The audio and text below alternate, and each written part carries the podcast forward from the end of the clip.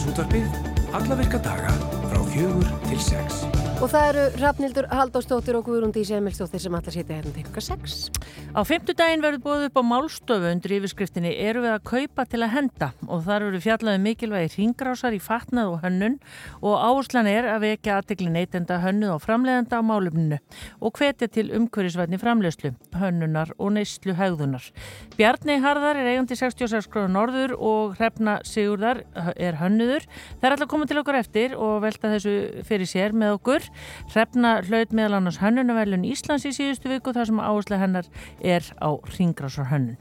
Við rættum tvívegis við Grindvíkiginn Pál Val Björnsson fyrir mánuðinum en þá var stöðu skjáltar hérna í og við Grindavík og hann var að heiman þegar að rýming bæjarins fór fram þann 10. november síðastliðin en hefur eins og aðrir þurft að dvelja annar staðar uh, síðan þá og Pál Valur ætlar að koma til okkar í, í síðdegi sútarpið og eftir og við spyrjum hann út í hvernig síðustu dagar hafa verið. Við ætlum að fletta bókinni Forni Kvamur með höfundi hennar Marju Björg Gunnarsdóttur en þar var á sínu tíma reist Sæluhús sem að síðar var merkur áfangastæður á ferðalögum landsmanna yfir Holtaveru heiði. Marja þekki vel til staðháta þarna bjó hún í fjölmörg ár með fjölskyldu sinni og þau ráku saman gisti og veitingahús. Og í kvöld er kveikur og dasgrá og verður þátturinn helgaður jarðfræringum á Reykjaneskaga og við ætlum að fá Ingól Bjarnar Sigfússon til okkar hingað östu til að segja okkur aðeins betur frá því og svo er leðinda veður við á landinu og við ætlum að heyra í Guðan Helgasin upplýsingafulltrú í Savia og, og spyrja út í hvaða áhrif þetta veður hefur á flugsamgöngur til og frá landinu. Einmitt. Og svo ætlum við líka að heyra ballettsýningum uh, sem að verða með undirleik Sinfoniljóstar Íslands í hörpu næst komandi daga en þar mun ballettstjarnan Petra Conti sem er aðaldansari Kíf Grand Ballet Uh, já, hún verði með og ætlar að svona segja fólki og sína stórbrotna sögu. Hún sigraðist á krabbamennu árið 2016 og í kjölfarið hefur hún lagt mikið kapp á að láta gott að sér leiða með söpnun fyrir krabbamennsúk börn í gegnum söpnuna átökið Point the Shoes for Cure og þar býður Petra upp á ballettskór sína að síningu, síningum loknum og allur ákvæður enni til styrtar krabbamennsúk ungum börnum. Og Ása Berglind Hjalmarsdóttir, hún er verkefnistjóri dagsfólkgerðir í Hörpu, hún ætlar að koma til okkur og segja okkur betur frá. En við ætlum að eh, byrja á þessu uh, Rauðikrossin uh, vinnur nú að því að koma upp neyslurími í einingahúsum en terra einingar hafa bóðið Rauðakrossinum einingar án eldugjald svo á línu hjá okkur er Sigurbjörg Birgistóttir sérfræðingur hjá Rauðakrossinum kontur Sæl og Blessuð Sigurbjörg Sæl og Blessuð uh, Hvar er málið statt akkurat núna? Akkurat núna erum við að vinna í því uh, að leggja en umsóknum stöðulefi fyrir umhverfs og skipla sviðsveikja okkur borgar samka okkur gagnum sem þurfa að fylgja þessar umsókn. Já. Já. Já. Það eru áður komið fram að bara íbúar hafa sumstaðar í, í borginu meðal annars mótmælt uh, slíkum hérna, húsum. Uh, er þið eitthvað búin að hafa það með í þessu umsóknarferðli? Uh, ekki fyrir þetta, þessa lóð sem við erum að skoða núna, við ekki ágjörð því. Hvað er hún? Ég get ekki uppvist um það, svo stöttu. Uh, en þetta er lóð sem er í skoðun og fyrir miður höfum við ekki fengið endalega staðfæsning á því að við getum nýtt þessa lóð. Þannig að það mun bara skýrast vonandi fljóklega mm -hmm. hvar lóðin verður eða er. En farðu aðeins yfir það með okkur Sigurbjörg fyrir þá sem að þekk ekki forsöguna, hvers vegna er svona mikilvægt að fá uh, neistlu rými og uh, segðu okkur til dæmis frá Ilju sem var lokað og svo framvegs? Já, uh, Ilja færanlegt neistlu rými opnaði 10. mars 2022 og var opin í eitt ár og lokaði núni mars í æsliðin. Og Ilja er lagalega verndað rými, þar sem neyslu rými, þar sem einstaklingar yfir átjónar geta komið og nota sín einn nýmaðni undir eftirldi starfsfólk og þar sinnum við síkingavörnum og gætum að öðringi notenda. Þetta er skadningandi úrræði, þeir sér að reyna að fyrirbyggja skada sem getur fyllt þessari notkun nýmaðna og reynum að fyrirbyggja uh, síkingar og, og fleira, en við erum í raun og veru ekki að fyrirbyggja notkunna sem slíka. Mm -hmm. Það kom fram í, meðal annars í kveikstætti sem að síndu var fyrir vettur að, að eins og staðan er núna þá á þessi hópur bara nánast í engin hús að venda og er meðal annars í, í bílakjöllurum. Þetta er vendalega sá hópur sem að þarna er hugsaður í þetta. Já, og, og þess vegna er opnaðartíminn í, í neysluríminu uh, ákveðin uh, út frá opnaðartíma neyðarskilana. En þau eru lokuð frá tíu mótnana til fimm á daginn og þá hefur þessu hópur ekki neitt örugan stað til þess að nota výmöfnin. Yeah. Þetta eru einstaklingar sem glýmaði výmöfnanda og þurfa á standunum sem að halda til þess að koma í veg fyrir slæm eða alvarleg frákvörð. Uh, og staðan er þá þannig í dag að þessu einstaklingar nota výmöfni og almenningsalvegning í bílakellurum, stegagöngum og húsasundum. Já, þið uh, töluðu sjálfum það að þetta væri ekki hendut að hafa þetta svona færanlegt neyslurími og þið viljið koma þessu einn og ákveðin stað en Reykjavík sagði að þeim lítist ekki það hugmynd, vildu freka koma starfseminni fyrir já, í einhverju húsnæði var þess vegna var hvað, iljulokað en svo er þetta búið, þetta farið einhvern veginn í eitt hrærigrut og ring eða hvað? Já, þá má ég segja það. En uh, við bara viljum ekki áherslu á að, að það verði opnað uh, rými, staðbundi rými strax og bíl hendar ekki uh, út af plássleysi, aðgengi, takmörkunum og þjónustu. Það mynduðist raðir strax. Uh, ég hugsa að við höfum séð röð myndast um 230 sinnum á þessu ári sem varum opinn og fólk var að býða í alltaf 30 mínútur. Uh, þá hverfur fólk frá og þá missum við líka tröst ef við getum ekki bóð upp á uh, fyrirsjála þjónustu. Já, hvað hérna ef allt gengur að óskum og þið fáið uh, þessa lóð og allt þetta, hvena sjáu þið fyrir ykkur að þetta geti orðið að veruleika?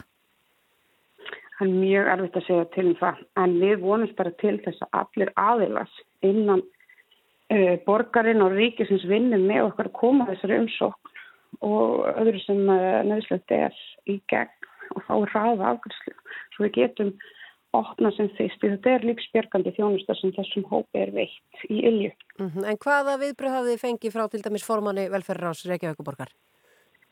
Uh, við upplifum bara mikil meðbyr og uh, það er hugur í allum og, og upplifum uh, það að, að, að fólk ætli sér að opna þetta sem fyrst mm -hmm. með okkur.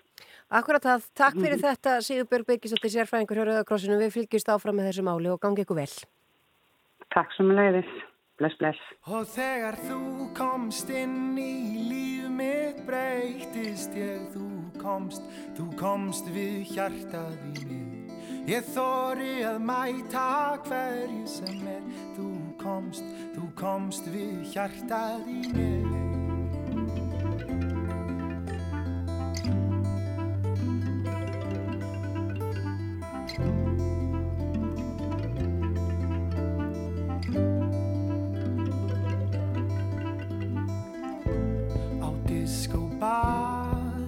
Ég dansaði frá cirka tól til sjö. Við mættumst þar með hjörtun okkar brotin bæði tvö. Ég var að leið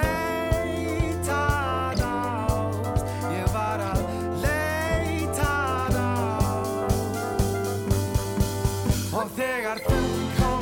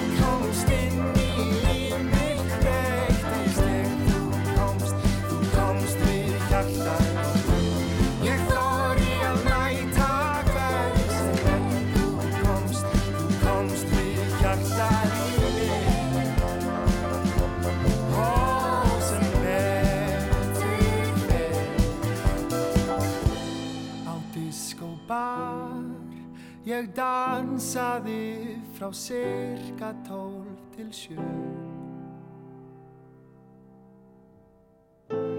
Við mættumst þar með hjörtun okkar brotin bæði tvö. Ég var að leita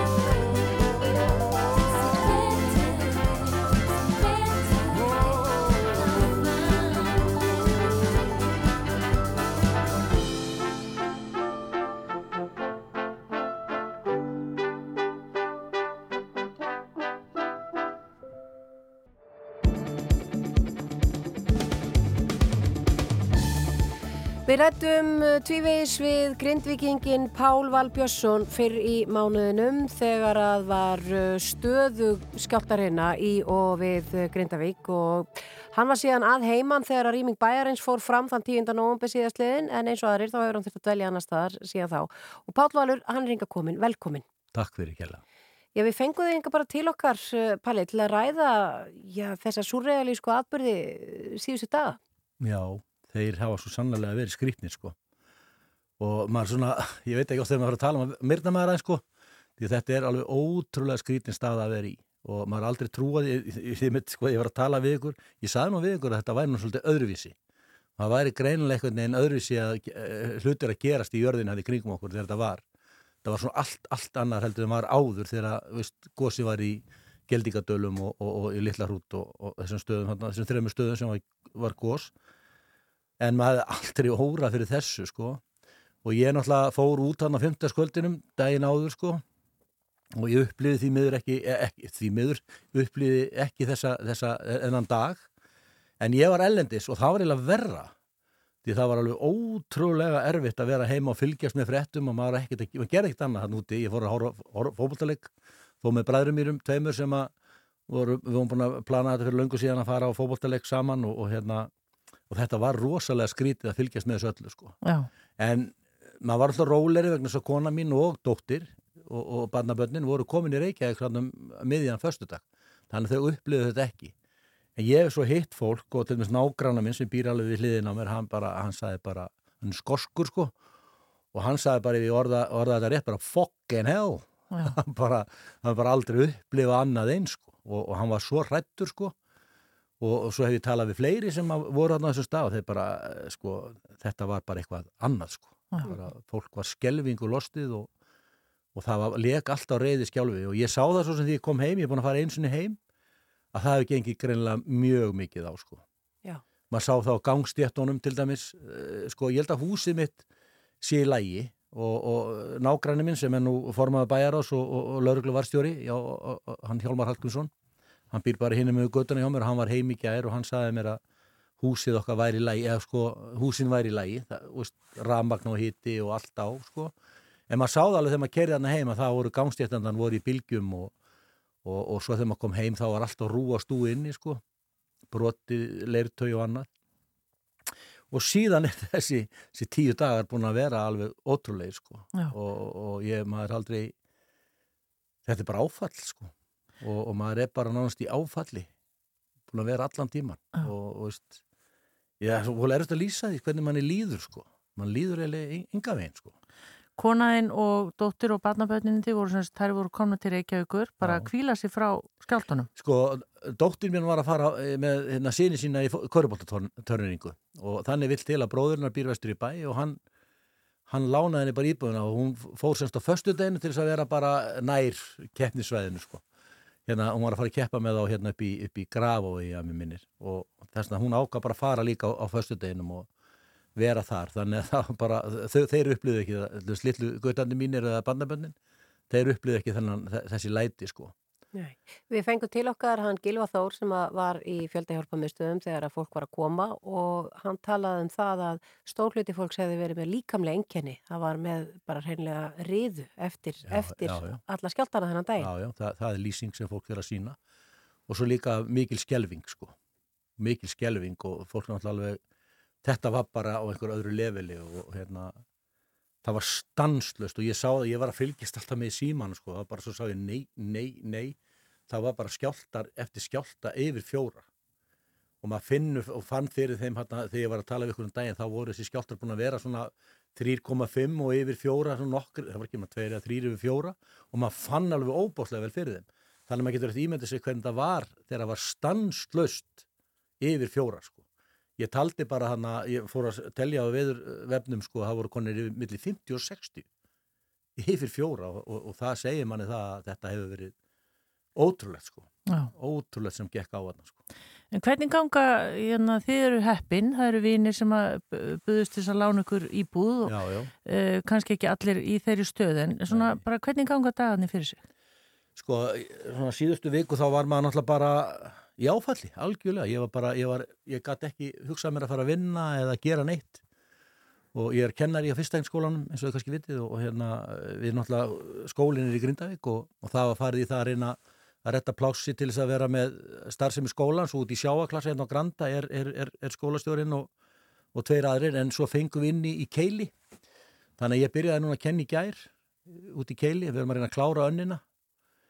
En hérna Getur maður einbit sér? Það er rosa erfitt sko. Þetta er, þetta er mjög erfitt. Sko eins og ég segði húsið mitt er í svona í lægi að því að virðist en við erum í svona sigdal og það hefur síð og það besta skýring svona, sönnunni fyrir því fyrir mér að það hefur síð er, það er fyrir neðan á hjáttgerastæðatúninu sem heitir er lítil tjörn. Og eða svona tjörn sem að hækkar og lækkar í svona eftir sjáastöðinni og það verður aldrei mjög mikið en þó svolítið meira heldur að þeirra er fjara sko þannig eru fugglar mikið á, á tjörninni og, og, en núna er það orðið tvöfaldstærra sem segir mér það að það er búið að síga það mikið í jörðin að sjórin á greiðarliðinn og, og hérna kunningi minn og vinnur Ingiberg Þór hann er svona myndatökumadur og er mjög dróna. Og hann er mitt síndi þessa mynd fyrst og kona mín segið við hann að hún, hún er frenkans og spjallur náttúrulega allir að spjalla saman á Facebook. Byrju var þetta að tekja á fjöru? Nei var þetta, var þetta að tekja á flóði? Nei það var fjara þegar hann tók þessa mynd. Þannig að nú er maður líka að hugsa sko, nú vil allir einhver að fá einhverja lausni í þetta mál sko, hvað gerist? Óvissan er óbærileg sko. Og svo veit maður ekki, veist, hvað gerist? Hvað allar maður fara heim aftur? Mm -hmm. hvað gerist í stórviðurum vestan stórviðurum sem að koma oft þarna viðurum alveg niður í ströndina líka nána sko, ef að kemur stór og, og brimið þarna niður í bótinni fyrir neðan okkar er mjög stórt og mikið þegar það verður mikið og e, kemur þetta á land sko En hvernig er þetta að fara í gegnum dagana, ég menna Palli með það að er þetta bara aðruleysið og taka þetta klukkutíma fyrir klukkutíma dag fyrir dag því að eins og þú segir, það veit engin og byðin er óbærileg. Já, þetta er, ég, hérna, ég fann sofa alveg ágætlega en það má ekkert vera, þá vakna maður sko og ég finn sko, ég, ég finn stundu fyrir svona innri skjálta, svona tögaskjálta. Ég fann þetta fyrir tæmum 30 ára síðan þegar ég fór ekki gegnum áfengismeðferð þegar ég var kert líf mitt svolítið í rúst sko, og var alveg bara einn taugarúa ég fyrir að finna, finna þetta aftur svona smá skjálta innra með mér. Og það má eiginlega ekkit vera þá rekkum maður í kút sko það kerði vörubíl framhjá um daginn á svona drunur sko og þá rekkum maður við.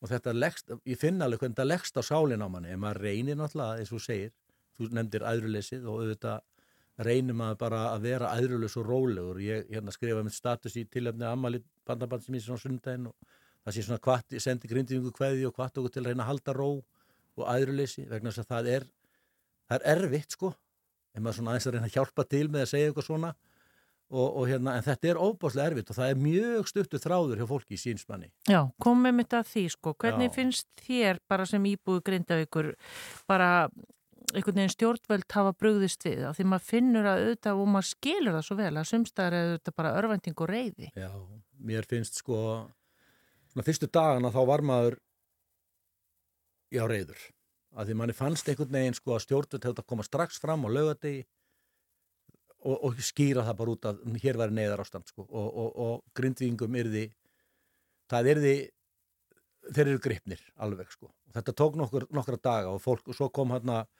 svo kemur hérna tilkynning frá samtökum atvinnlífsins sem er það fyrsta álíktun hjá þeim að senda til fyrirtæki grindaðika, þeir þurfu ekki að vera að borga fólki í laun í svona aðstæðum, það er bara og þó þið reykið á og allt bara, veist, þetta, var, þetta var svona kaotísk sko, þetta var svo ótrúlegt að skilja segja þetta einhvern veginn. Og þetta fór mjög ítlaði fólk, alveg gríðal ítlaði fólk. Síðan er samvikt frumvart það sem er farið í að setja skatta á húsengundur á Íslandi til þess að byggja varnagarðu utanum hérna, svarsingi og bláalónið. Og, og þetta eru tvei enga fyrirtæki og þetta lí, hlefti líka illu blóði í fólk sko. Að nú þegar að fara í auðvitað skilumar það að setja varnagarðu utanum svarsingi þetta er alveg þetta er líkil hérna, fyrirtæki á söðunni sem hvað var það vatn, heitt vatn og kallt vatn og, og ramagn og það er í skjálfilegt ef að þetta færi. Og þess vegna er maður svo uggandi í dag þegar að landirins er akkurat þarna ef að fyrir að gjósa í svarsengi þá er þetta farið. Þetta er þetta bjóða, byggja upp aftur en það tekur langan tíma og þá væri við algjörlán vass og, og ramags í Grindavík sem er náttúrulega skjálfileg tilhugsun. En þarna var þessi varnagarður fyrsta hugsun.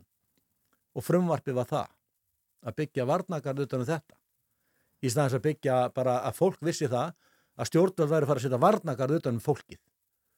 Og ég hef bara viljað hugsa, auðvitað vill maður svo margt og hugsa, hugsa margt en að bara þarna hefði bara fórstíraðurinn okkar góði komið fram og, og ríkistjórnun öll og sagt þið eru trygg, þið verður trygg við förum að fullt að reyna að retta ykkur húsnæði og allt, öll ykkar tjón verður bætt 100% mm. því það er það sem er líka sko er ykkur að fara að kaupa hús í grinda ekki í söðuverðinni, ég er ekki alveg vissun það sko. Það er þessi afkomu kvíði og vantarlega bara kvíði fyrir að eignin mann sé verlaus og, og maður veit ekkert hvað morgundagurinn ber í skvætti sér. Nákvæmlega, maður er ekki hugmynduð það.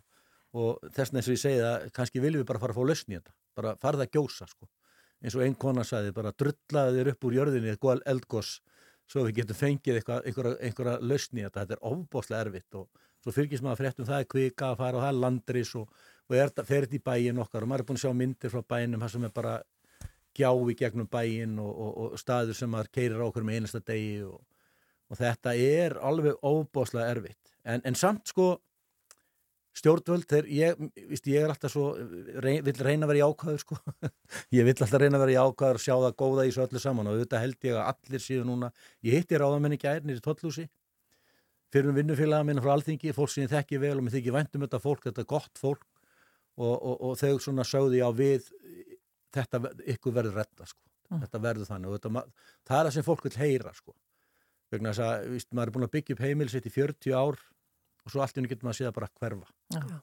En, en eins og fyrir Grindvíkíka og ég held að flest fólk eh, sem að annarkot kemur utan að landi eða er úr sparri bæjum eða þorpum getið ímynda sér það að hvernig er tilhjóðsirinn um það að ég menna þið eruð einn hópur og svo býr kannski nágrann ykkar er einhver staðar og þessi er þarna og þessi Já. er ekki komið með húsnæði, Nei. er ekki óbúslega, er maður ekki vannmáttugur og vannlegaðan í því? Það er það sem maður finnur sér svo rosalega, maður er svo vannmáttugur, maður getur ekkert gert ekki nefn að það, það er gott að hittast eins og við hittust á lögadagin síðast stór, ótrúlega stór hópu Grindavík og horfa leikina, kvörubóldaleikin og það var rosalega gott.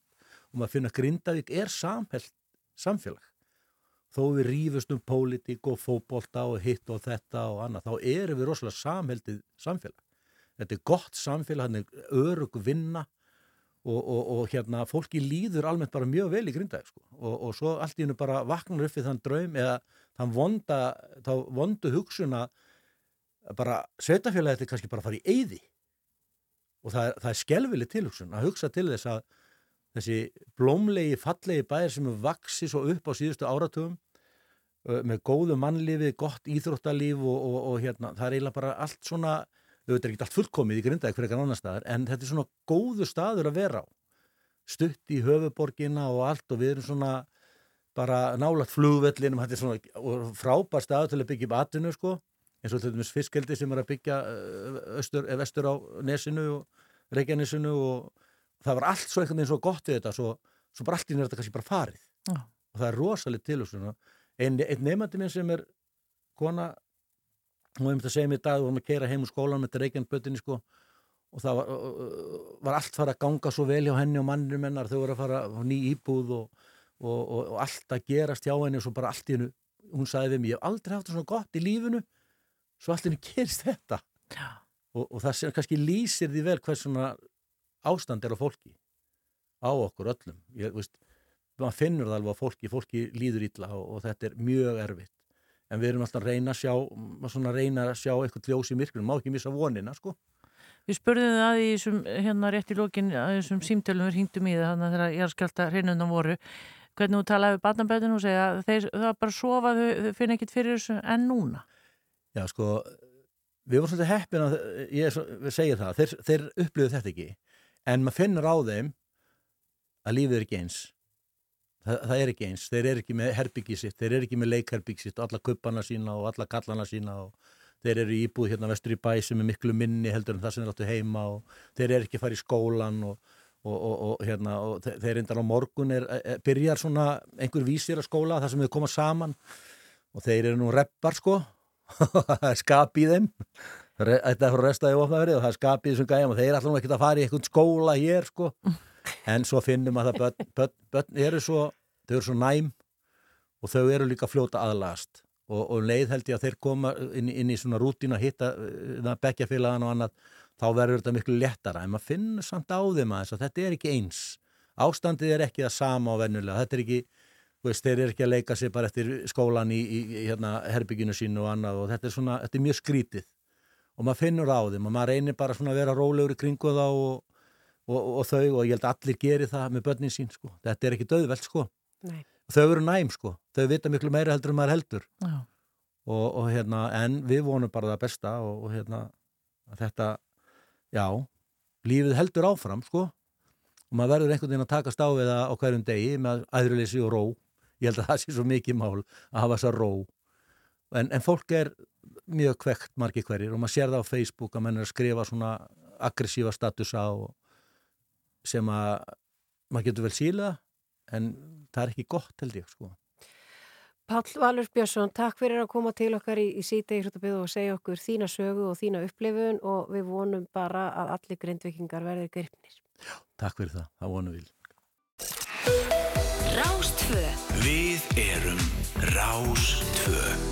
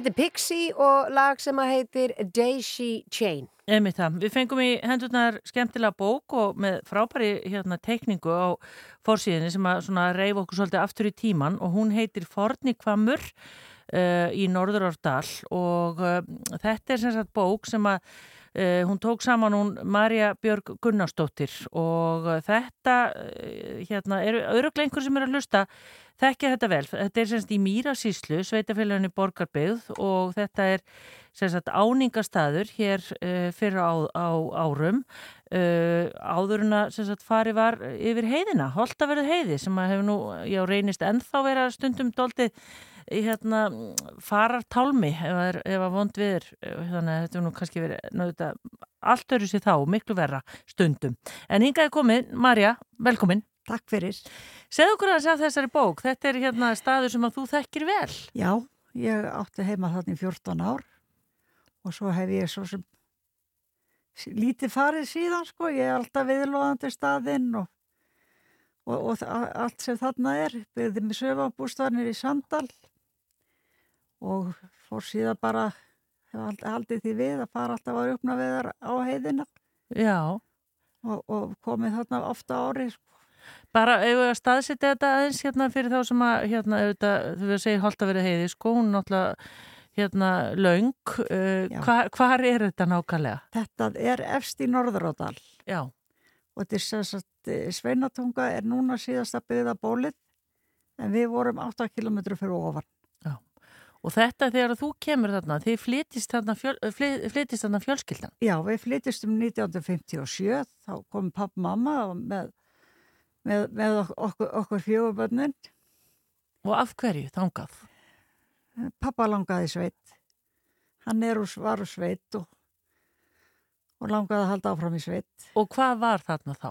Það var, það var, það var gistús og það búið, var búið að vera þarna byggð nokkur lengi sem er rækið í bókinni sko alveg hverjir bygguðar og hvenar og, og uh, við tókum við af Páli Sigurssoni, hestamanni miklum sem bjóð síðan á Krokkolstöðum fyrir austan Og er þarna reikið þá gistihús og veitikastæður eða eitthvað? Já.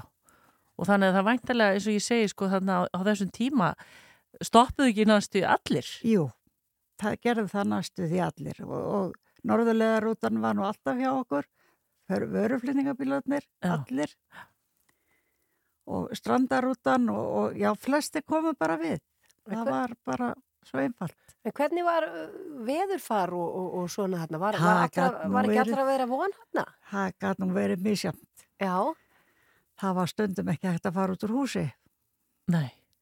Er þetta, myndur þú segja að því að eins og við konnust við, ég fyrir austan og svona þegar að voru, já það skorti jarðir og það skorti húsnæði og þá fóru fólk og bjó svona já, á, á mörgum hins byggilega heims. Já, þetta var það á sínum tíma. Já, hann er á sínum tíma hefur já. þetta verið svona svolítið þannig að, að fólk fór þarna og bjó kannski ekkit af því að kausa gera það Nei. en í hálgeri neyð ég bara mikill í neyð, myndi ég segja. Þannig að pappiðin hefur þá verið aldrei mikill æfintýra maður að vilja já, fara þarna já, já, á þannig stað. Já, já, já, hann hafði mjög gaman að því. Já, en hvað varst þú gömul, Marja? Þá, þú... er, þá, þá er ég eh, sjóra. Þú ert sjóra gömul og þurftu þú að taka til hendinni bara eins og þetta fjölskyldan? Já, já, já, maður börja bara sem bensintittur. Já.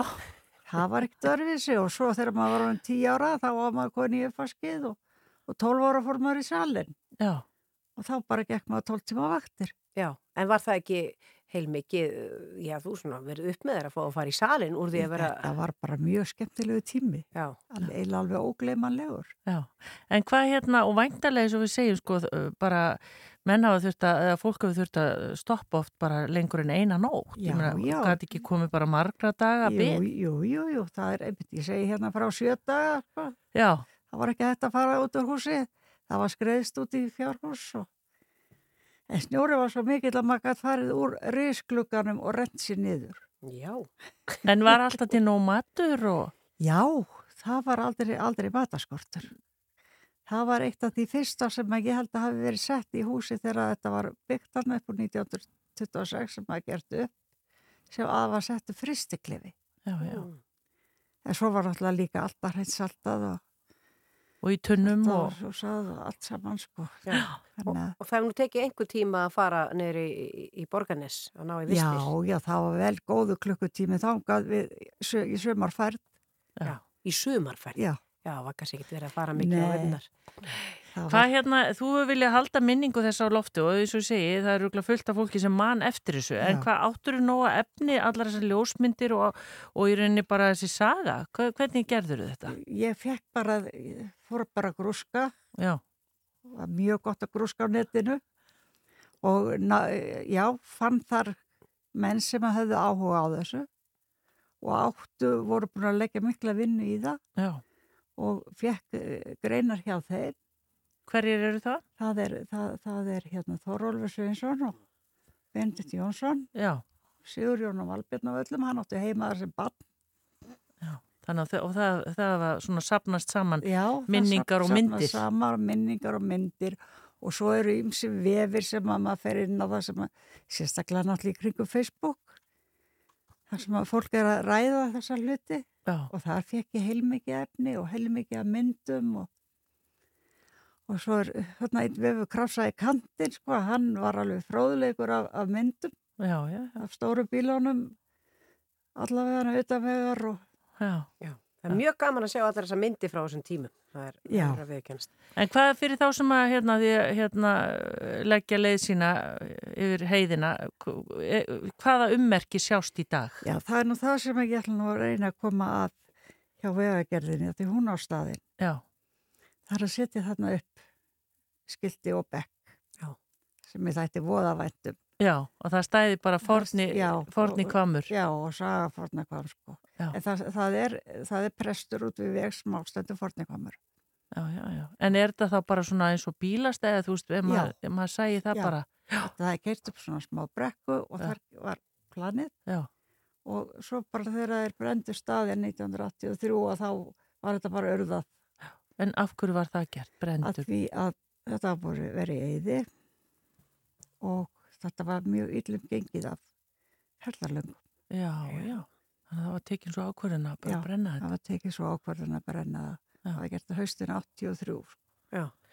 En við hvetjum fólk til þess að kynna sér þessa bók. Forni Kvamur, Marja Björg Gunnarsdóttir, hún tók þetta saman, uh, þessi áningastadur í Norðuróttar. Bara til hamingi með bókina, Takk Marja. fyrir kærlega. Og takk fyrir að koma og segja okkur ölliti frá þessu. takk fyrir sömu leiðis.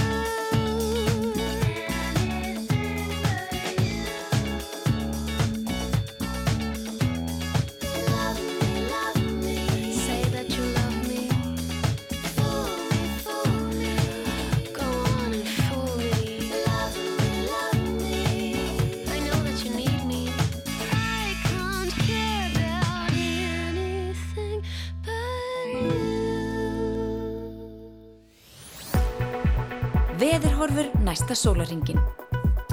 Já, það er auðvitað búið að vera að tala svolítið um veðri í dag, það blés hressilega hér á Suðustur hotninu og svo er þetta aðeins að uh, færast, uh, það eru fréttir af uh, millilendaflugi, við ætlum nú að kynast í eða fara betur í það hér eftir fimm fréttirnar. En uh, það er bara skýtaveður á landinu öllu held ég. Það er belgingur. Já, köllu, í sveitinni, hvað er þetta belging? Já, þetta er ekki skemmtilegt. Þetta er svona, ég var einmitt á uh, hopplöpahjóli hérna á hann og ég fekk bara hagljél framann í mig. Já.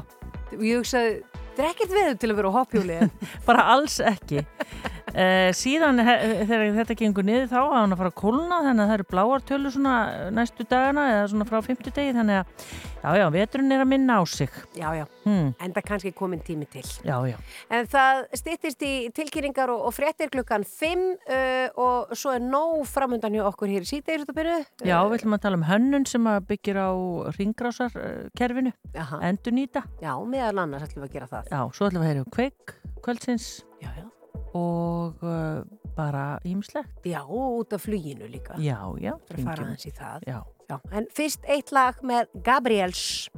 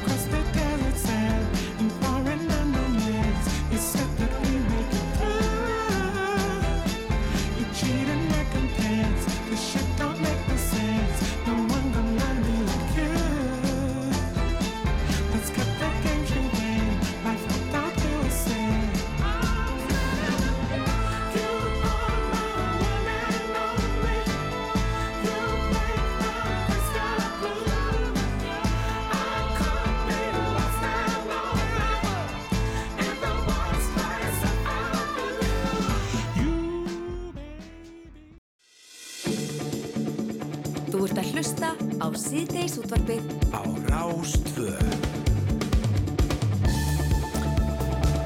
Á fimmtudaginn verður búið upp á málstofu. Undir yfirskriftinni eru við að kaupa til að henda. En þar verður fjallaði mikilvægi ringrásar í fatnaði og hönnun og uh, áherslega vakin á, já, vakin á aðtekli neytenda hönnuð og framleiðenda á þessu málefni og hvetja til umhverjusvætni framleiðslu og hönnunar og neyslu hefðunar. Og þar eru komnaringað uh, Bjarnei Harðar sem er eigandi 66 gráð norður og Álfrún Pálsdóttir, kynningastjóri hönnunummiðstöðar. Velkomnar. Takk fyrir, takk að. Eða að byrja á þér, uh, Bjarni, eh, 66 gráðan orður, bara hvernig er það eh, hérna í dag? Er, er ringrásarhagkerfið og ringrásar hérna bara kerfið, fungerar það hjá ykkur?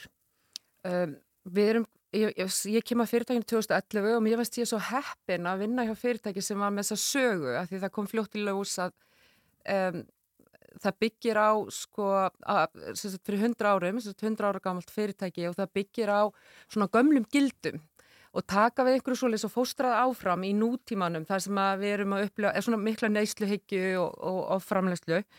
Við erum með fyrirtæki sem framlegir núna 60% af stílunum sínum í, í Lettlandi en áður á Íslandi með viðgerastofu og flíkurna gerðar eh, til þess endast og séu viðgerarhæfar. Mér varst það eitthvað fjöreg sem ég vildi taka áfram. Og hérna, mikið vægt að, að venda og fyrirtækið náttúrulega byrjar að gera eh, fatnað á sjómenn og, og sjófatnað var skilin millir lífs og dauða. Þar að leiðandi gæðin voru það sem skipti máli og að þær myndu, fötum myndu endast. Og líka það var ekki, við vorum ekkit ríka þessum tíma þannig 1926 og það að gera við var aðal tekjulind fyrirtækisins og við í, um þessa myndir erum að gera við fjögust flíkur ári.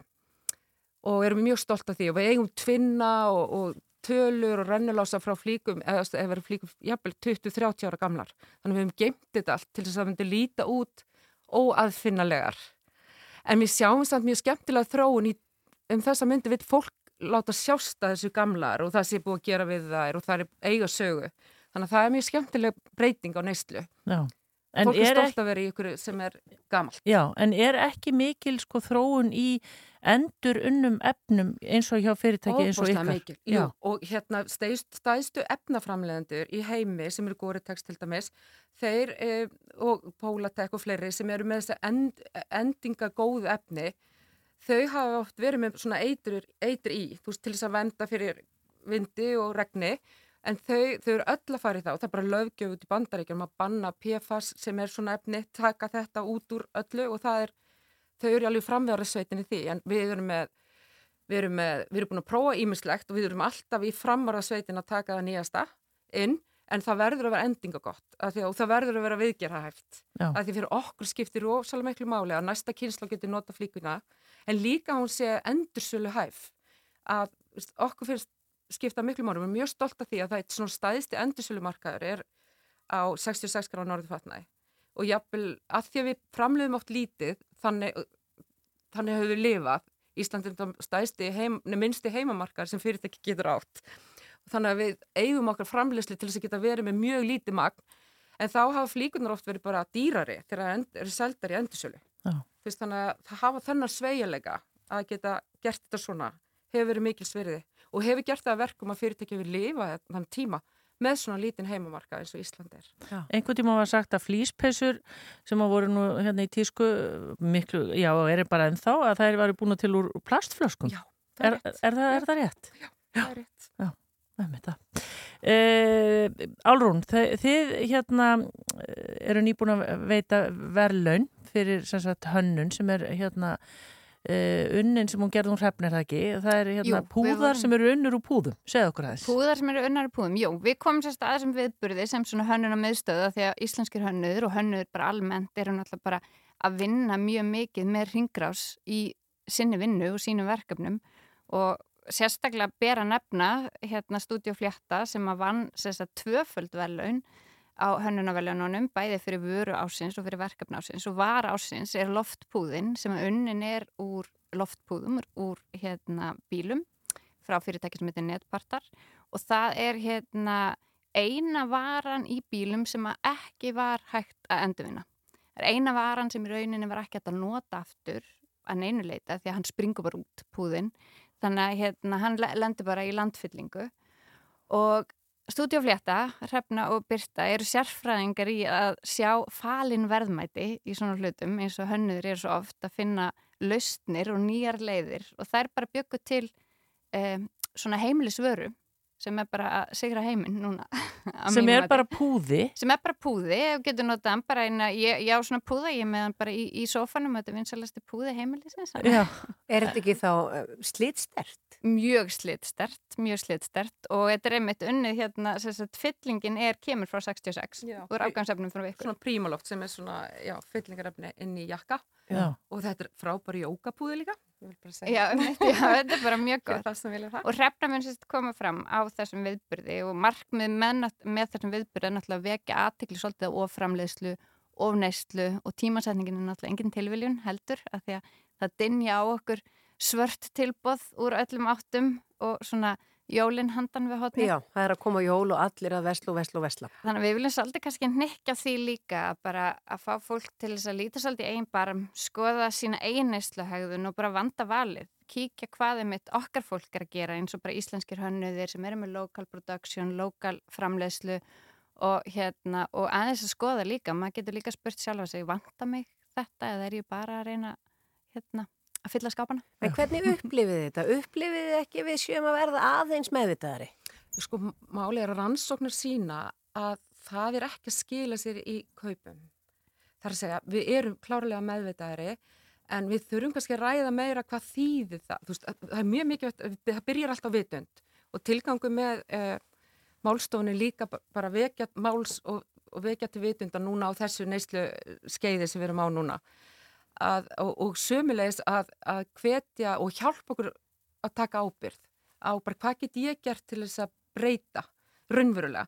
Að því eins og ég segi, rannsóknir sína að við erum ekki endilega, við hljóða mynd fari ekki alveg saman. Þú veist, við, er, við viljum breyta en svo gerum við það ekki í hittalegsnis. Já. Þegar allt er svona eins og ég há glemmingi eins og núna þá, þá, þá freystust við til að, að gera, kaupa kannski meira en við ætluðum okkur og þá er náttúrulega afslátturinn farin. Eð, þú, veist, þið viti, þú veist, það er þetta hvað þessi ábyrð sem við getum líka aðeins, aðeins að staldra við og anda. Þannig að við viljum líka veita svona ákveðin imblástur á fimmtudaginn um, til þess að, að taka þessa ábyrð og, og gefa von og eins og í þessum ungu, eða um, í hönnuðum íslenskum. Þau eru svo ótrúlega framsýn með hvernig framtíðin á að líti út, hvernig getum við nýtt það sem fyrir er og gert eitthvað geggja úr því.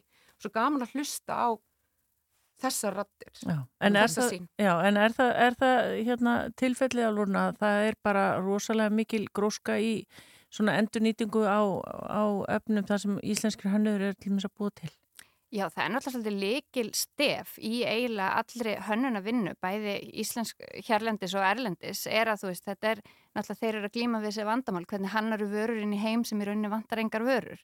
Þannig að það þarf að vera svolítið hérna koma með þessa skapandi hugsun og skapandi lausnir inn til þess að reyna að nýta líka það sem er til nú þegar og búa til nýjar vörur, finna þeim nýtt hlutverk, hlutverk ef þau eru búin að missa sín hlutverk eins og til dæmis loftpúðarnir eru gott dæmum og, hérna, og líka annað verkefni sem var pizzastund sem var verkefni ásins þar sem að e, Stúdíu Fljata og Íri og Rari tóku svona hérna öllar afganga úr hérna úr verksmiðum og byggu til pizzustað á hönnunamars og seldu held ég yfir 300 pizzur, öllar pizzur. Þar byggu til bara eina vinsalustu vöru hönnunamars síðast árs sem nýtist í hvað? Já, ég verð að fá frekar þessu. þetta, þetta er bara listaverk, fólk notar þetta undir heitt í eldúsum, það hengir þetta upp á Ah. vegg, rammar þetta inn, þú ert bara komin með listmun, e, þú veist, annars hefði þetta bara endað í, í ruslinu. Já, þetta er merkilegt. Þannig að þetta er tala, talandum, þú veist, að einhvern veginn nálgast eitthvað með skapandi hæ- hætti og búa til verðmæti úr einhverju sem að enginn sá Já. fyrir. En það eru margir að koma, líka neytendur. Við veist, viljum heyra rödd í þeim sem að er að gera kannski eitthvað annað og við getum þar alveg fengið fengi hugmyndir hjá. Veist, það eru líka Rakel Garðars allir að vera með okkur. Hún er ótrúlega fló, hún er svolítið meiri matasóin en er líka búin að gera ímislegt við það. Þú veist, sápur og annað, mjög áhört að heyra þessi tækifæri líka. Um, síðan, síðan er líka þessi hugmyndafræði, þú veist, okkur erum, getum við gert eitthvað annað, til dæmis fyrirtæki, að þetta eru neytendu fyrirtæki og svo ríkið sem þurfum saman að vinna því að breyta hegðun Já. og mér finnst líka mikið að fyrirtæki núna, við erum, þú veist, flest að gefa afslætti núna og það er þessi sölu tími, að hugsa kannski eitthvað nýtt eins og við höfum gert og ég er ekki að segja við sem fullkomin hjá 66 gráður norð, það er ótrúlega vegur og við viljum læra og við viljum opna fyrir það og eiga samtal við hönniði, við neytendur og aðra bara hvað getum við gert til þess að bæta okkur?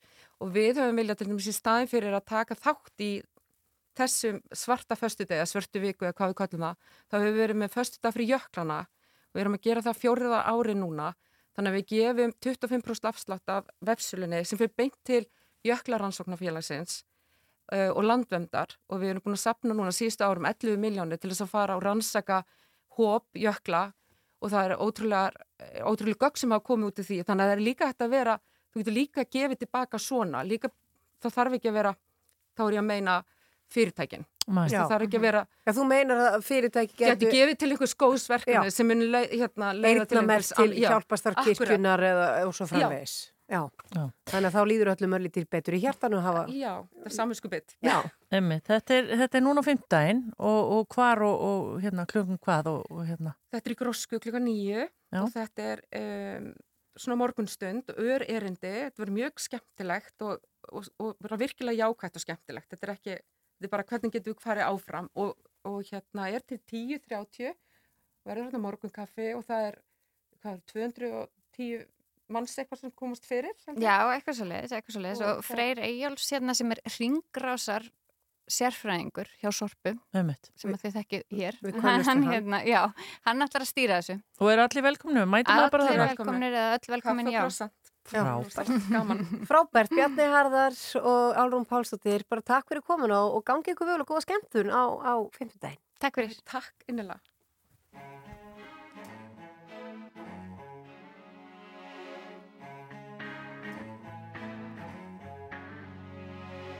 Ástand hugans forritað af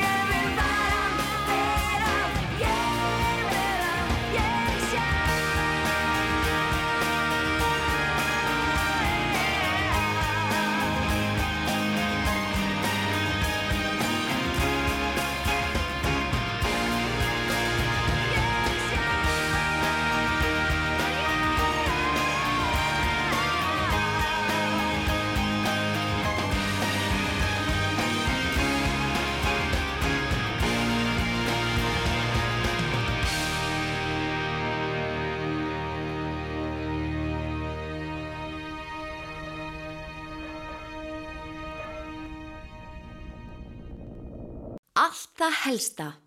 Síðdeisútvarpið Frá fjögur til sex á Rás 2. Já, Rafnildur, við töluðum um það áðan að uh, já, það uh, hefur nú ekki farið fram með reynum að það er leiðinda veður á landinu. Já, og þetta óviður hefur haft áhrif á flugumferð eins og við heyrðum líka í fréttunum áðan. Við erum svo komin í sambandi við Guðjón Helgason sem er upplýsingafulltrúi hjá Ísafja. Sæl og blessaði Guðjón.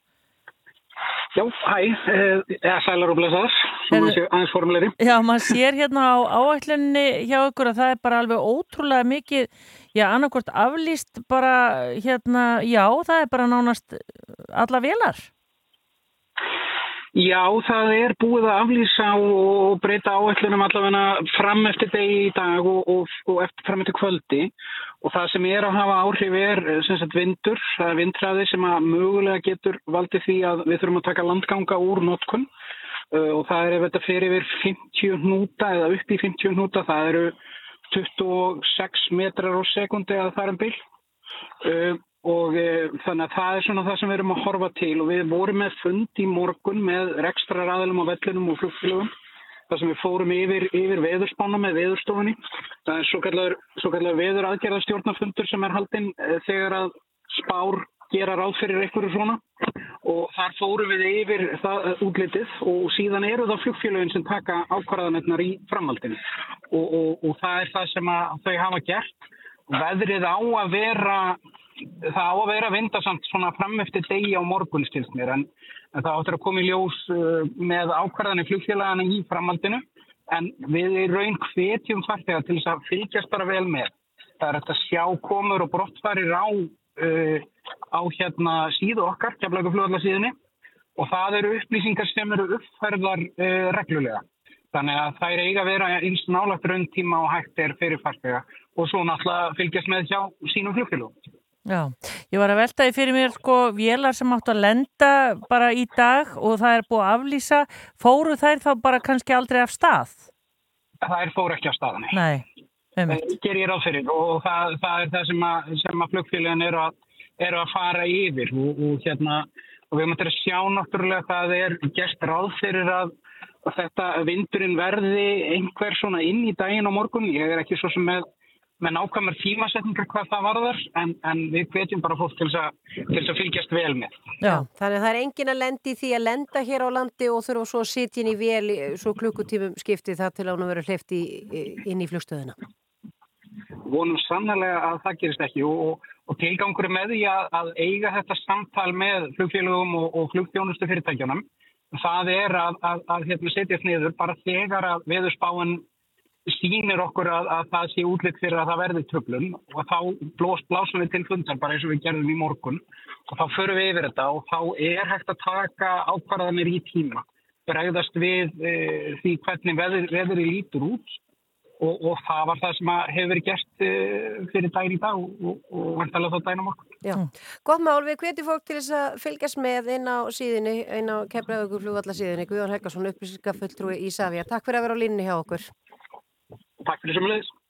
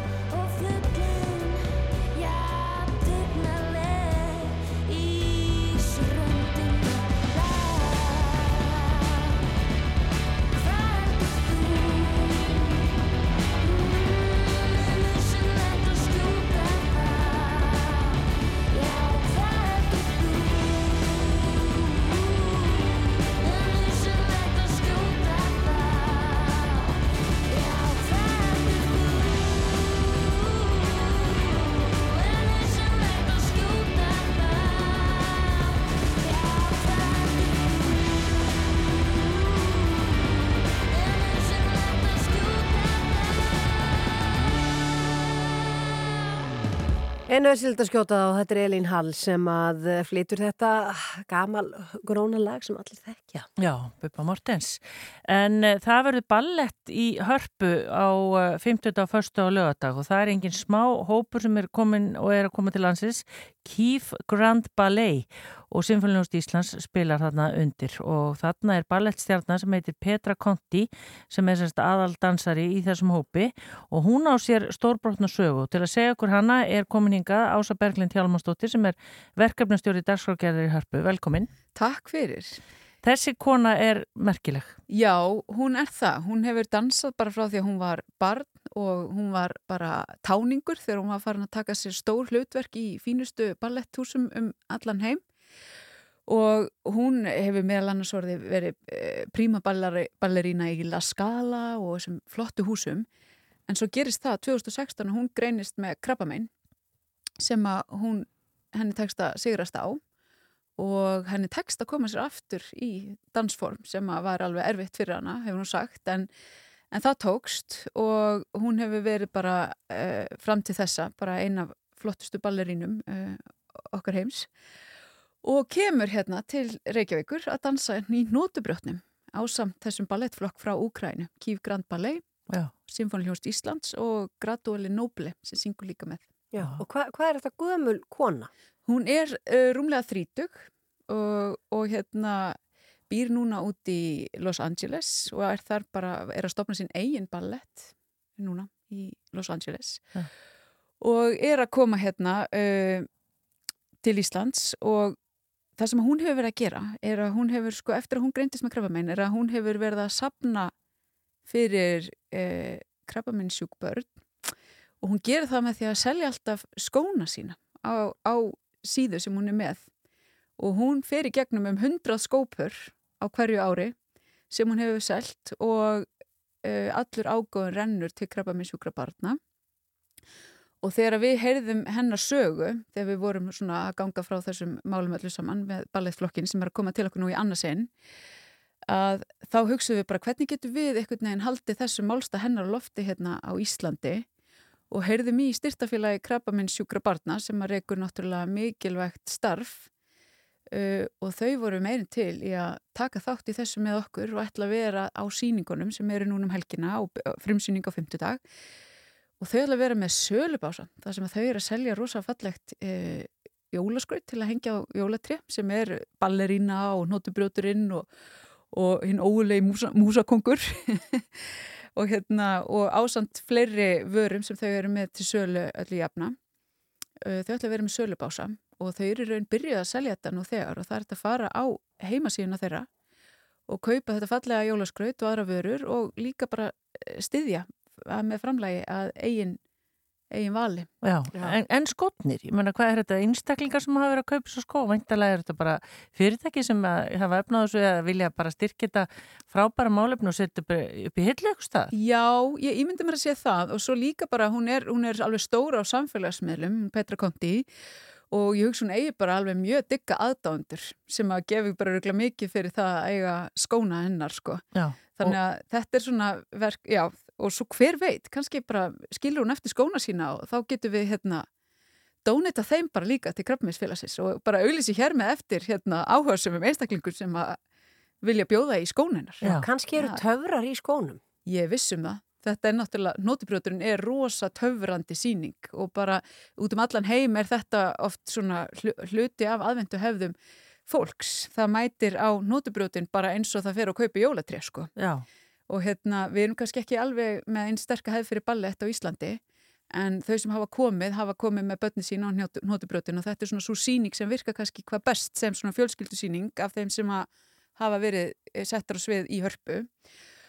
Og þetta er alveg ævintýri líkast. Það er hérna, heilmikil saga og, og þau skila þessu svo vel Um hvað er uh, þetta að bara í östutumáli, mannstu það? Já, sko það er þessi drosselmægir frændi sem kemur með nótubrjót uh, inn á heimili til Maríu og, og, og sískinni hennar nema hvaða svo lifnar hann við Já. og þá uh, verður þarna mikil átök við ógulega músakongin og hans her og, og þarna lifna hvert leikfangið uh, við að fætur öðru og dansa með sínum það koma þarna indverskar framandi dúkur og Og, og alls konar skemmtilegheit sem að byrtast þarna af því að þetta er náttúrulega ekki ímynda ykkur þegar heilt leikfanga herbyggi lifna við.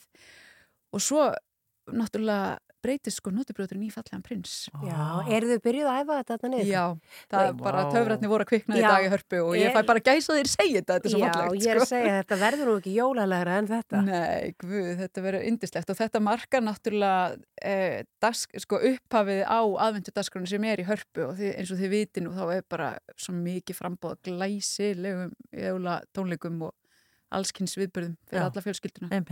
En sko aðeins aftur á skónum, hundra Já. pör á ári. Já. Maður hugsa sko, ætli sé fyrir við svona ballerínu nöðsöld að vera bara nánast alltaf í nýjum skóm? Já, hvernig? mér skilst það. Já.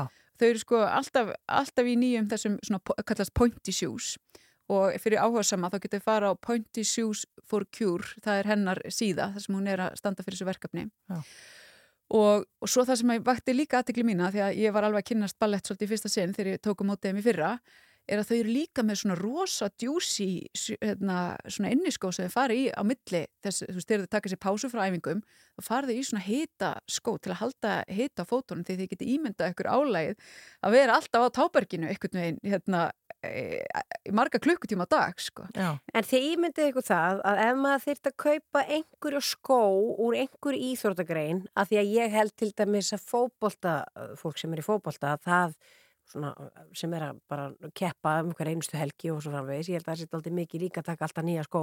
Þú myndir Mhm. ekki vilja kaupa fótboltaskó sem væri búið að spila 90-120 mínútur í en þú myndir mögulega vilja kaupa einmitt eitthvað svona ballerínu skó sem að, það er eitthvað svo, það er eitthvað svo hugulegt og ímyndað er ekki að sé táfíla eða katalanslít á því. Nei, ég hugsa að kom bara blómælmur. Ég held að hljóti bara að vera. Með við hvað þetta er fallegt allt saman. Já.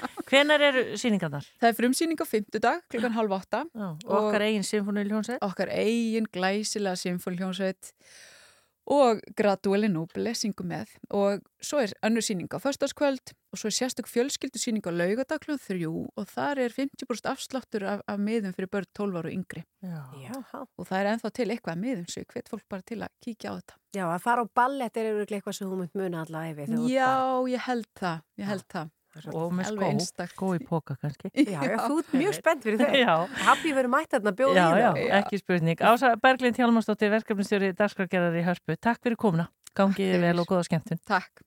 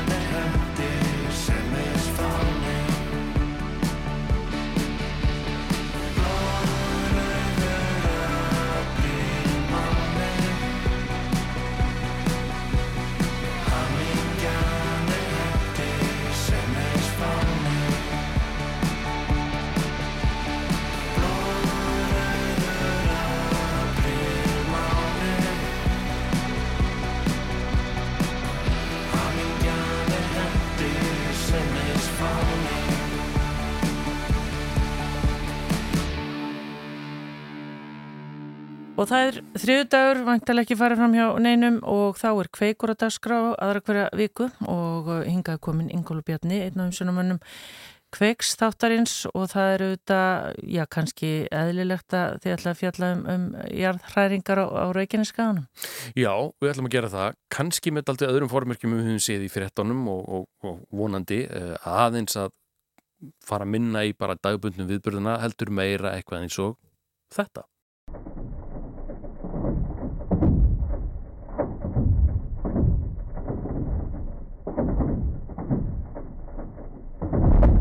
Já, þú leiði mér að heyri þetta aðeins áður, áður en að við byrjuðum þetta viðtalingur og ég held ég væri bara, þetta myndi mig bara á áramótin. Það er ekkit skrítið. Þetta er sem sagt upptaka úr uh, jarðskjáltanum upp í borgarfyrði sem er raun og voru að hlusta á jörðina og þannig er svo sem búið að raða aðeins uh, þessari upptöku sem er bara svona frá tíu miðanda á föstudag og, og hækka tíðnina á, á því sem er heyrist í berginu en, en þetta er hérna, og þetta er svona eiginlega áður en mestu lætin byrja um, og við erum aðeins að skoða þess aðbyrði hvað gerðist þarna á föstudaginn og uh, og hvernig hefur þessu framundi en, en við erum líka aðeins að velta fyrir okkur hvernig sem fer í Grindavík, hvort, að, hvort sem það fer alltaf bestaveg sem við vonum auðvitað eða það fer ekki alveg að meil þá erum við augljóslega komin á næsta, í næsta kabla í þessari jarðhræringasögu á Reykjaneskaganum þetta er ekki lengur Instagram-væn túristagós þetta er eitthvað aðeins annað og meira og hvað þýðir það fyrir okkur? Hvað, hvernig eigum við að hafa okkur? Þurfum við einhvern veginn að fara að hugsa bara innviði og búseta á söðvesturhóttin aftur? Uh, líka þess að skoða bara söguna. Hvað hefur gerst þarna áður bæði kannski ekki jafn langt aftur í tímanum en halda og svo aðeins lengra og segir það okkur eitthvað um hvað gæti gerst þarna á næstu mm, mánuðu, misserum og árum. Uh, aðeins að reyna átt okkur á því hvað er um að vera og hvers vegna og hvað þýðir það fyrir okkur. Já, en getið, eða þú veist, fáið í svör vegna þess að, þú veist, maður heyrir í vísindamönnum og auðvitað allir að rýna í þetta allt saman og reyna sitt besta en einhvern veginn Mm ekki eitt svar. Nei, og, og eina svarið held ég að sé ekki þarna, uh, en það sem við reynum svona kannski aðeins að fara út úr er að menn sé að tólka gögnin sem bárust fyrir hátegi og svo aftur þau sem bárust eftir hátegi og svo fjórir komum með sína því, þannig að þú veist komið áttamismönd útgáfar af því hvað gæti verið að gerast á hverjum degi og reyna bara að segja það sem áður hefur gerst þá hagaða það svona og hafa orðið jarðræringar í Íslandsugunni sem við getum kannski búið þetta saman við lært af og kannski líka hvað gerist ekki, hvað er, hvað er, hvað er kannski ekki líklegt að gerist, sem er líka ágætt að vita. Um, því miður er, eru við svo sem ekki að færa grindvikingum í öðru landsmönnum kannski endalega svarum nákvæmlega hvernig þetta verður allt eða að, að, að hérna, svona, að verða fólki út um þá sálarhús en það kannski leitar eftir. En En einhvað síður, þetta er einhvern veginn þannig að eftir því sem maður veit meira og skilur betur þá hefur maður betri fórsetnum til þess að, að meta já, hvort maður á að vera stressaður eða hvernig maður á eiginlega að raða svona óþægilegum atbyrðum inn. Og ég held að hérna, þarna sínu svona eitt, eitt svona eitthvað að upplýsingum og, og, og kannski frásögnum sem að hjálpa okkur bara aðeins að ramma þetta inn og skilja þetta og kannski til lengri tíma allavega að aðeins minni áhyggjur Já, þið fylgir líka eftir grindviskri fjölskyldu? Já, við náttúrulega, þetta er náttúrulega sögulegur atbyrður. Hvernig sem fer þetta sögulegur atbyrður, þetta er það stærsta sem hefur gerst frá því gaus í, í heim, á heimaði og við vildum auðvitað dokumentera það þannig að við höfum svona aðeins fengið að eftir því sem að há æru verðu almannavarna yfirvöld hjá lauruglunni leifa hérna, að skjótast inn í bæin og fylgja fjölskyldu sem að er eins og aðri grindvikingar á vergangi og svona bara aðeins að fylgjast með því hvað fyrir gegnum kollina á manni þegar maður er alltaf núna flóttamaður í einn landi uh, sem er aldrei skrítin tilhugsun. Þannig að við fengum að fylgjast með þeim og, og hittum þau síðast í gær og en svona bara aðeins að átt okkur á því með þeim ég raun og veru svona að fá að vera aukslina hvernig, hvernig ég er að fara í gegnum það ferli og hvað hugsa maður? Ég vil fara heim, ég get ekki hugsa mér að fara heim. Ég vona að vera allt í lagi, ég vissum að það fara allt á vestafeg þetta er mikil rússipanni, svona tilfinningarússipanni hjá fólki sem er auðvitað skiljanlegt. Ekki missa kveikstætti kvöldsins 20.05 er ekki? 20.10 í kvöld. 20.10, nýr tími. Þá er um meiri líkur á því sem sest í sófan Takk fyrir komuna Ingúlu Bjarni áhugaverið þáttur kveikstáttu kvöldsins. Takk, takk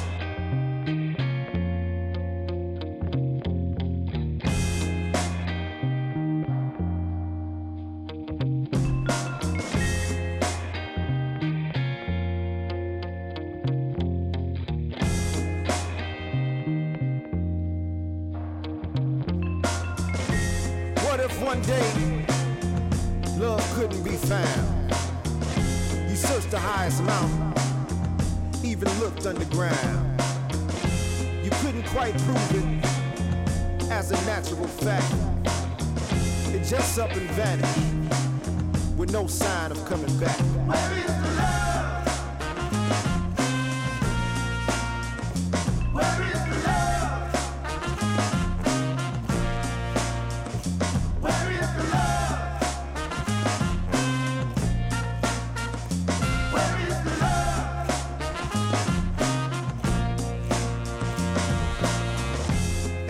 Lost love. Is just a point of view? A world covered in darkness, despair and disease too. The science of pathology couldn't even explain the effects to our bodies, the feeling of disdain, an insatiable hunger, no one or nothing could feel, a deep bottomless hole, real raw deal. It's only because of love that I'm obliged to tell that if we ever lost it, this would be a living hell.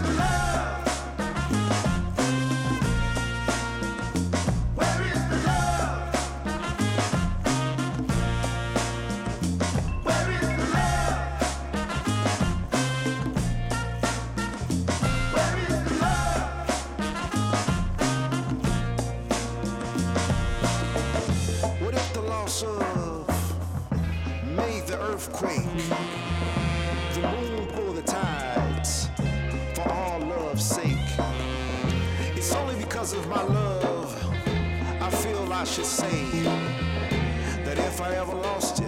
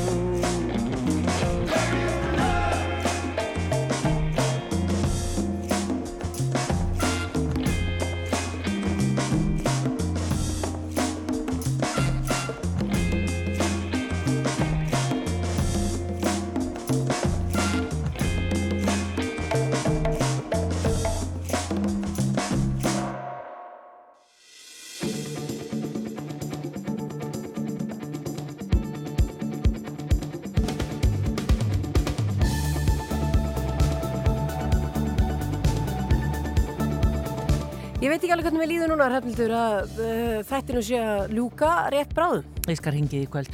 Er það ekki? Jú. Fæ svona frákvæðsenginni frá þér. Herðu, en við, af því vorum að tala um hvað er, á, maður getur í rauninni bara plampa sér í sófan bara núna fljótlega, hort á dagskrona, þetta er svakalegt sjómáskvöld hjá Rúf. Uh, rétt að geta þessa í, í hérna kastljósinu, þar verða, verður meðalefnis aðstæður íslenska kvenna sem að afplána í fangilsi hér á landi eru slæmar, nöðsynlega meðferð er ekki bóði og hefur umbústmaður alþingis bent á mikla brotalamir þegar kemur að stöðu þessar kvenna. Og ná það er ekki að bata í fangilsi, þá enda er flestra á götinu og eiga sumar ekki afturkvæmt nema þá aftur í fangilsi. Og þetta er umfjöllun sem að Linda Blöndal hefur uh, tekið saman og verður semst í, í kastljósi kvöldsins eitt af uh, já, tveimur eða þreimur viðfangsefnum þáttarins. Já, það er allt og sjaldan sem að fólk er að leiða hugan að einmitt aðbúnaði fanga. Já, einmitt. Það er bara svoleiðis, þetta er jáðarsvöldur hópur. Já, það verður líka fjallað um uh, grindvikinga, uh, hérna, uh, afstöðu banka og aðra, annara lánastofnana til, til uh, íbúa þarna og, og þeirra hörmungar sem þarna dunnið yfir. Já, við fengum einmitt Pál Val Björnsson til okkar, uh, grindviking sem að við hefum nú rætt nokkur svona við hérna í sítegis út að pinna til þess að uh, ég bara lýsa aðstæðum sínum og, og bara lífinu síðustu daga eftir að þetta öll þessi ósköp uh, dundu yfir og eru hennar dinn yfir. En uh, það er bara að koma að lokum hjá okkur, Rafnildur, og mér langar daldið leiðilegt veður úti og uh, svona fólk, já, eins og þú segir, fólk á leiðinni heim í sófan heldur aldrei mikið. Já. Já, er þá eitthvað betra heldur en að henda í einn Helga Björns Nei. núna? Ha? Alls ekki. Helgi, hann, hann kemur alltaf sínu fólki í stuð. Að sé ekki koma helgi. Í, það er ekki komið Helgi, það er orðagrín hjá gömlu, þetta var rosalegt. En hérna er Helgi, einn af okkar allra bestu mönnu, við þökkum ykkur bara kærlega fyrir að lusta og verðum hérna á sama tíma morgun hamnildur, er það ekki? Jú.